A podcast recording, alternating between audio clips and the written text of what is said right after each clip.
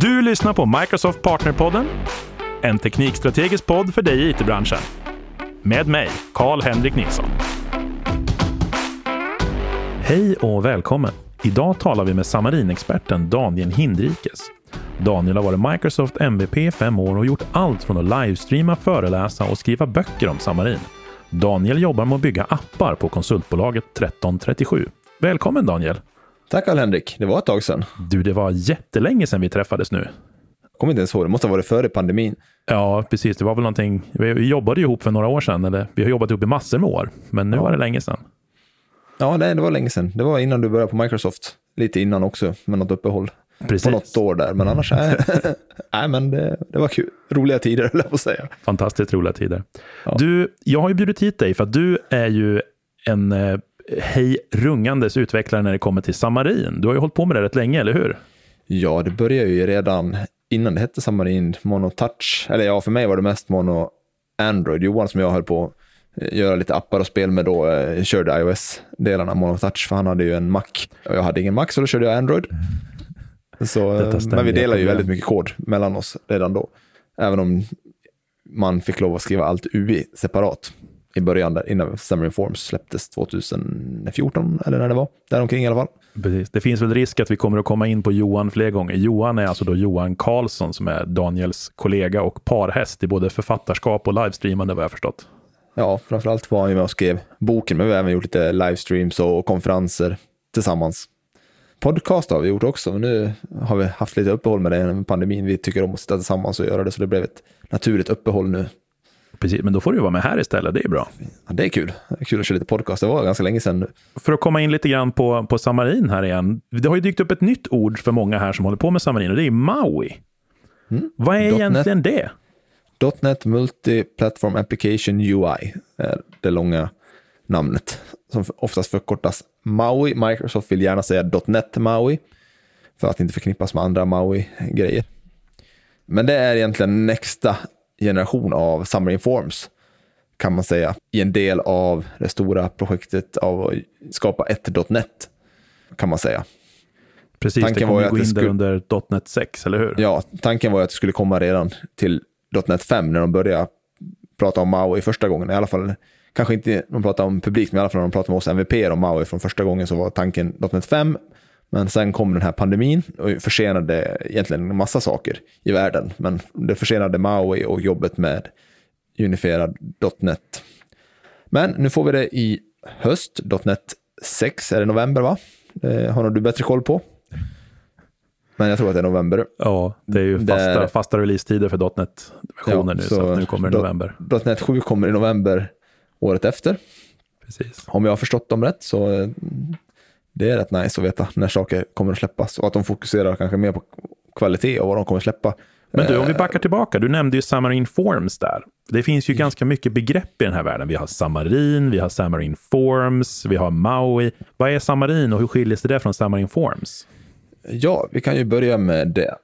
Samarin i sig, alltså inte Samarin Forms, är egentligen ett lager mellan .NET och eh, native-plattformen. Så iOS är ett lager mellan iOS och .NET som gör det möjligt att använda C-sharp, oftast det går med F-sharp också, ah, och skriva appar som är native. Man brukar kalla ett binding layer, alltså ett bindningslager på svenska då kanske man kan säga, som kopplar ihop .NET och eh, native-plattformen. Och samma sak för Android och för Mac. Då. Så Samarins plattform har alltid varit iOS, Android och Mac. Sen har vi Xamarin Forms som egentligen är ett abstraktionslager ovanpå Samarin. Så att man kan göra UI och dela det mellan plattformarna också. Med Samarin kan man ju dela kod, men då är det mest fokus på att dela businesslogik, eh, eh, alltså affärslogik. Och eh, det gör man med ett standard library, eller som det var när vi började, Portable Class Library, som man kan göra det med. Men med Samarin Forms kan man dela egentligen numera i stort sett all kod. Det är bara bootstrapping-kodet som man kanske inte delar i de flesta appar. Sen kan man alltid gå in och göra plattformsspecifika saker såklart. Ja, om man vill. Men eh, Xamarin är ett, ja, kan man säga, ett bibliotek eller ett ramverk för att skriva UI. Eh, Xamarin Forms kan man säga lite snabbt. Då. Xamarin kommer nu till .NET 6. Det kommer bli .NET for iOS, .NET for Android, .NET for Mac. Så ordet, begreppet och varumärket Xamarin kommer egentligen försvinna helt. Det var mycket rubriker kring det när de presenterade Maui. Ja, Xamarin är dött. Ja, varumärket Xamarin är dött, men plattformen kommer ju leva vidare i .NET. Det är alltid det stora problemet när man ska marknadsföra någonting som Microsoft. Det, Ja, blir, ja. det blir uppfattat och tolkat. Och, Ja, och sen har vi då Maui som är, egentligen är det ju Xamarin Forms 6 kan man säga. Fast det är, de har tagit nytag om det och förbättra arkitektur, eh, försöka få upp prestanda och ja, göra det mer framtidssäkrat. För Xamarin Forms har ju funnits i sex år drygt nu. De har ju lärt sig massa på vägen hur, de, hur man kan göra saker bättre och så vidare, som man gör i alla projekt egentligen. Efter sex år så brukar man vilja göra file new project på det mesta, eller vad säger du? ja, absolut. Jag håller helt med. Nu är det ju inte helt och hållet File New Project, men det är i alla fall ett nytag kring arkitekturen. Är det samma grupp som utvecklar eller har det kommit till några nya stjärnor också i det här? Vet du något? Nej, det är samma grupp. Sen är det säkert nya personer till viss del. Det är väl personalomsättning där också. Men vi har ju våra, vi har ju våra Samarinhjältar som liksom lever kvar sedan månatiden. Absolut, så har vi. Men du, om man skulle börja tänka då kring om man ska börja utveckla, alltså det här är ju ett apputvecklingsvarumverk och man kanske sitter där nu och tänker, ja men vi ska ju bygga en app och vi ska ju bygga för Android och för iOS och så tänker man att då kanske Xamarin är, är rätt för oss. Men man tänker nu kommer Maui och sådär. Om man, om man ska börja idag, måste man vänta på att det kommer en ny version av Maui som vi släpper eller hur ska man tänka där? Jag skulle absolut inte vänta. Och är det kvar till november? Det är mer än ett halvår. Eller är ungefär ett halvår. Man hinner skriva mycket kod på den tiden och, och kanske till och med få ut en produkt och tjäna pengar på produkten. Så jag skulle inte vänta. Och det, de har sagt på Microsoft att det kommer komma ett verktyg, de kallar det för Try Convert Tool. De vill väl inte kalla det Convert Tool, för det kan säkert vara en del issues i vissa fall. Men Triconvert som du, du kan hjälpa till att ta din app från Xamarin Forms till Maui. Sen när Maui är släppt så kommer de även supporta Xamarin Forms i ett helt år. Så egentligen kommer Xamarin Forms leva vidare till .NET 7 då. Och sen är Xamarin Forms open source. De kommer inte ta bort det såklart, men de kommer ju inte, samtidigt inte uppdatera det om det kommer nya ändringar i iOS till exempel. iOS har ju en tendens att kunna breaka saker mellan versioner. Så det kommer inte supportas efter november 2022 blir det va, om jag tänker rätt. Nej, men precis. Och jag, jag tänker också att skriver man modern kod, om man skriver kod nu, så kanske det kommer vara större chans att det kommer att fungera med det här try convert-verktyget också, även om man inte har någon, någon egentlig möjlighet att säga ja eller nej på det. Ja, och mycket är ju likt sig. Det kommer vara likt sig och det kommer även finnas ett lager mellan, så någon form av kompatibilitetslager har de sagt, som kommer mappa saker mot Maui. Vi Har du hunnit testa något med Maui? Eh, Jag har kört eh, sample-projektet egentligen och testat och kört och det är lite grann. Och, ja, men byggt lite där och ändrat och sånt. Jag hade preview 3 här för inte allt för länge sedan. Eh, Den testade jag faktiskt live på, på min livestream på Twitch. Och körde där. Men egentligen är det bara preview 2 av Maui. Den andra previewen av Maui de har släppt. Men den heter 3 förmodligen för att aligna med previewerna av .NET 6. Som Ja, är på eh, preview 3 nu. Eh, och där har de ju sagt att det kommer komma en new preview varje månad. Har de gjort. Men eh, om vi ska prata om det här kompatibilitetslaget så måste vi nästan prata lite om skillnaden i arkitekturer mellan Maui och Xamarin Forms för att man ska greppa det. Xamarin Forms är byggt med någonting som kallas ett render layer. Man har renderare som mappar Xamarin Forms kontroller, som egentligen bara är abstrakta kontroller mer eller mindre med properties. Eh, de mappar det mot de native komponenterna. Och de har haft ett ganska hårt beroende mellan varandra. Och man har även haft hårt beroende till att det måste vara MVM till exempel. Det är inga interface och så vidare. Med .NET Maui har man tänkt om. Eh, man byter begreppet till handlers. Alla kontroller kommer ha ett interface, alltså Maui-kontrollerna, det som tidigare var Xamarin Forms-kontroller, eller element om man så vill kalla dem det. Eh, Jag brukar kalla dem för kontroller. De kommer ha ett interface och den här handlern kommer bara veta om interfacet. Ingenting om vad kontrollen har. Det blir betydligt mer löst kopplad arkitektur. Ja, det blir mer löskopplat och det ger ju också möjligheten som Microsoft har pratat om att ja, men vi kanske kan supporta andra typer av eh, sätt att skriva ut, till exempel MVU or, eller Blazor till exempel. Eller vad man nu vill. För det blir ganska lätt att bara implementera de här interfacerna för varje sånt UI-sätt till exempel.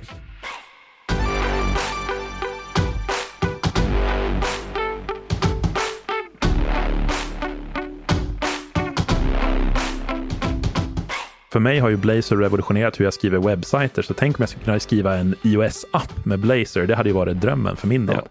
Det finns ju ett experimentellt projekt nu som heter Mobile Blazor Bindings, där man kan göra precis det. Det är inte fullt komplett mot Xamarin Forms, men du kan använda Blazor syntax för att skriva native appar. Och ta det till Maui skulle vara ganska lätt eftersom de har, du har de här interfacen du bara behöver implementera. Eh, och sen hanterar handlern det. Som det är idag, som jag sa tidigare, så har ju de är väldigt hårt beroende till kontrollerna och till property change och allt det där som behövs för MVVM. Det kommer försvinna från handlers, så de blir mer rena, vilket gör det lättare att lägga till sådana saker. De ja. pratar ju till exempel mycket på bild om att det skulle komma, ja, men det kommer MVU och allt det där kommer i Maui. Men det man har sagt nu är att eh, det kommer fokuseras på SAML till .NET 6. Sen får man se mer vad communityt vill ha. Jag älskar den här möjligheten just att det är så community-drivet idag. För förr i världen så var det alltid liksom att vi, vi gick ut och vi pratade och ja, men det här kommer vi släppa, det här kommer ni få då. Men nu är det verkligen att man släpper någonting, man går tillbaka till kammaren och sen utvecklar man, sen kommer det någon ny, nya features för just de här grejerna som folk har ja. efterfrågat. Ja. Jo, så är det absolut. Och det finns ju ett projekt som heter Comet idag, som faktiskt är på Summer Informs-teamet. Eh, James Clancy tror jag han heter, han driver det. Eh, och det, de har ju lärt sig mycket av hans projekt där. Det är väl kanske en av anledningarna också, att man har testat olika saker. Och det är, är ju MVU. Och han har, då har väl sett där att skulle man bygga arkitekturen på det här sättet skulle det vara mycket enklare att implementera Com, Comet till exempel. Jag tänker tillbaka på när vi, när vi jobbade ihop, då var det ju väldigt mycket, varje gång du och jag åkte på en konferens eller någonting sånt, då blev det alltid den här dialogen, är verkligen Samarin native? Har vi liksom slutligen fått begrava den di dialogen eller är, är den fortfarande med där i bakhuvudet på vissa människor? Den är nog fortfarande med i bakhuvudet på många människor. För jag vet ju att både du och jag, vi är ju strängeligen övertygade om att Samarin passar in i definitionen för native kod. Ja, absolut, det är det. Det går inte ens att se skillnad på en binary som är byggt med Samarin och en som är byggt med Objective-C till exempel. Eftersom det kompileras i flera, flera steg och kompileras ner till native i sista steget. Och ja. även hela runtimen. .NET runtimen kompileras just till eh, native iOS också. Precis. Så den är native. Och jag skulle säga att Summer Informs till exempel är mer native än till exempel Flutter. Ni hörde det här jag... först. men, ja, men Flutter är ju, visst det är native, det körs en native app. Men allt UI är ju ritat med Skia. Det renderas så. Summer Informs mappar ju mer mot riktiga native-kontroller med native UI. Vilket gör att det är ganska lätt att extenda och man får med alla accessibility features. Precis, förutsatt att man inte skapar sina egna controllers då. Eh, precis, men man får ju det som plattform man tänkt på ett annat sätt. Så fort Apple gör någonting eh, sånt på en kontroll, så måste de se till att det funkar i Flutter också. Eh, jag säger inte att Flutter är dåligt, för det har absolut sina användningsområden och det är lätt att få ett liknande UI över alla plattformar. Eh, så det är absolut eh, förmodligen en bra produkt. Eh, jag har inte fastnat för den riktigt. Nu backar du tillbaka lite här tycker jag. Nej, men jag tänker på det där, du säger du att det är lätt att få en likadant utseende över många produkter och det kan ju vara viktigt ibland. Men jag kommer ihåg när jag har jobbat mycket med UX-människor och sådana här saker. Då är det ju så att på, på Android IS vill man verkligen ha samma utseende. Jag har alltid fått höra att, att en Android-användare, en Android största, största svårigheten med att byta till en Apple-telefon, det är att grejerna inte sitter på samma ställe. Eh, jag som användare vill ju inte ha det. Men eh, samtidigt, om man tittar de senaste åren mot när jag började med apputveckling, så har ju plattformarna blivit väldigt lika varandra. Med hur man navigerar och så vidare. Du har Android börjar få bottom tab som bara iOS hade nu till exempel. Jättevanligt i Android-appar. Till och med YouTube-appen har ju det från, från Google. Så de har blivit väldigt lika varandra. Så jag tycker inte att det är samma problem eller vad man ska säga, som det var för några år sedan. Sen har ju Xamarin Forms lagt till saker som de kallar för visual till exempel. Vilket gör att man kan få material design ganska enkelt i din iOS-app också.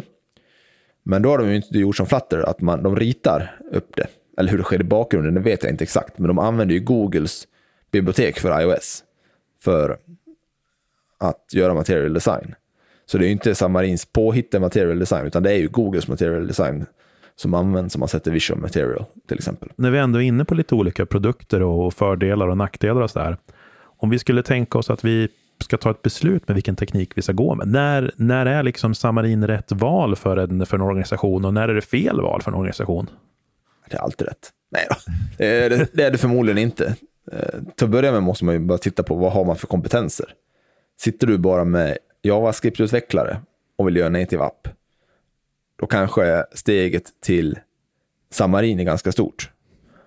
Eh, för då måste du ju lära dig .NET, Visual Studio, du måste lära dig ja, plattformen. Plattformen kommer du behöva lära dig ändå, men det blir mycket mer att lära sig.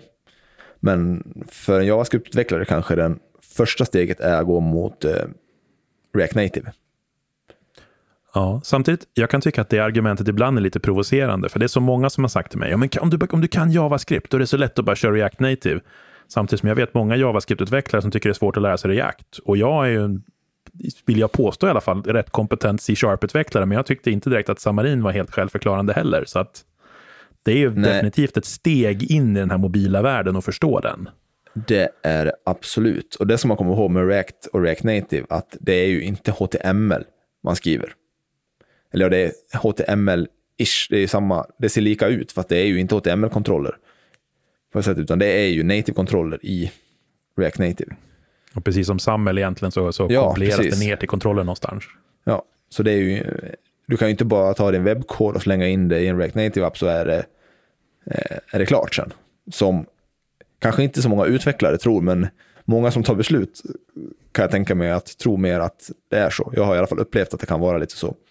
Men det, jag tror ändå att du är, du är inne på någonting där, liksom att har man kompetensen kring .NET, ja men då är det förmodligen Samarin ändå närmare det val man, man har alla verktyg, man vet hur man sätter upp build pipelines och hela den grejen. Liksom. Ja. Kör man, kör man JavaScript så är förmodligen React Native närmare. Men, men jag, jag tror ju också att, jag tror personligen att det är väldigt viktigt också att man har en grupp människor som brinner, precis som när vi började, vi jobbade på Society tillsammans, när du började bygga appar, när vi hade Windows Phone allihopa. Ja, jag saknar Windows Phone. Men, men vi brann ju verkligen för den här typen av grej. Ni pratade ju om det hela, hela tiden, att ni byggde nya appar och ni byggde spel. Jag tror verkligen att det är viktigt för att få komma igång på ett bolag och bli stark på att bygga appar, det är att man har den här passionen, jag hatar det ordet egentligen för det är så uttjatat, men man verkligen har den här passionen för att bygga appar. Mm. Jo, det är ju väldigt annorlunda mot att bygga webb, skulle jag säga. På många sätt. På gott och ont. Vissa saker är ju lätt, kan man säga, för man vet ramarna, men samtidigt så är det ju mycket komplexa saker som kommer in också i apputveckling som man inte har annars. Med olika enheter på ett annat sätt och plattformen som ska hanteras och App Stores och regler från Apple och Google och ja, sådana saker.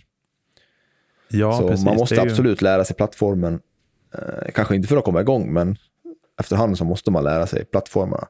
Och det menar jag inte att man måste kunna varenda API i Objective-C eller Swift utan till, men att man lär sig i alla fall hur plattformen funderar, vilka begränsningar man har och möjligheter. Och bara få ut saker i App Store ibland. Liksom ja, alla nej. regler som finns. Och, nej, men du får inte ha den på det här sättet, du får inte ha den här botalmodellen och allt sånt där. Nej, jag släppte en app faktiskt ja, igår, eller med en godkänd från uh, iOS i natt. Och, men första gången jag skickade in den till Apple, då fick jag ju bakslag på den. På Sign In with Apple, där jag använde Azure AD B2C. Då hade jag ju klickat i att ja, men jag vill ha vilket land användaren är från och e-post i Azure AD. Riktigt varför jag hade klickat i det, det vet jag inte, för jag behöver inte. Men det kan vara bra att ha land för statistik eller något sånt. Eller om man vill skicka ut något e-post.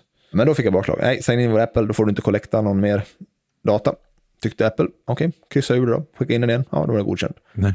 Det samtidigt också, det här tycker jag är ganska intressant, för det är ju också en, en grej som jag har upplevt med Samarin, att det är väldigt lätt att integrera de här API som finns med till exempel Azure AD och sådana här grejer. Det är, det är jag vet inte alls hur lätt det är att lägga på den. Det kanske är jätteenkelt att göra det med React. Jag tror Men... att faktiskt att Microsoft har bra API för de flesta stora plattformar oh. och bibliotek som de Microsoft tillhandahåller. Det är sant. Men för mig är det väldigt lätt att använda C-sharp för det. Ja, för du har ju kunskapen om C-sharp. Absolut, det, det köper jag. En annan grej de klankar ner på förresten var också att jag i min app så hade jag krav på att man skulle skapa ett konto och logga in. Det gillade inte Apple heller. Men precis, det får man väl inte ha? Om man ska ha en gratisapp så måste man kunna använda den utan att, utan att du loggar in, eller hur det nu är. Ja, som standard måste det vara så i alla fall. Sen finns det väl säkert undantag. Bankappar till exempel kräver väl att man ska logga in i de flesta fall. Och, ja, nej, men då fick jag lägga, i alla fall lägga till en knapp, använd den här eller fortsätt utan konto. Någonting. Som tur var så hade jag ganska bra funktionalitet som funkade utan att man eh, var inloggad. Eh, Så det var inte så mycket för mig att bygga om, men det skulle ju kunna vara det. Vi kan väl fall. nämna också för alla som, alla som eventuellt undrar nu vad det är för fantastisk app vi pratar om. Visst är det här din fiskeloggningsapp? Ja, som jag har hållit på med ett, ett tag och tvinga er allihop runt omkring mig att testa. Precis, nu ska jag ut i sommar här och logga, logga hur mycket fisk jag får. Mm. Catchlogger heter den. Finns på App Store och Google Play. Vi lägger med en länk här i beskrivningen. Podcasten Leader. Stort tack för att du tog dig tid att vara här och snacka med mig idag. Mm. Tack så mycket för att jag fick vara med. Det var kul. Hoppas du får massor med nedladdningar nu på din, på din nya app. Mm. får vi hoppas. Jag har redan beställt en Ferrari.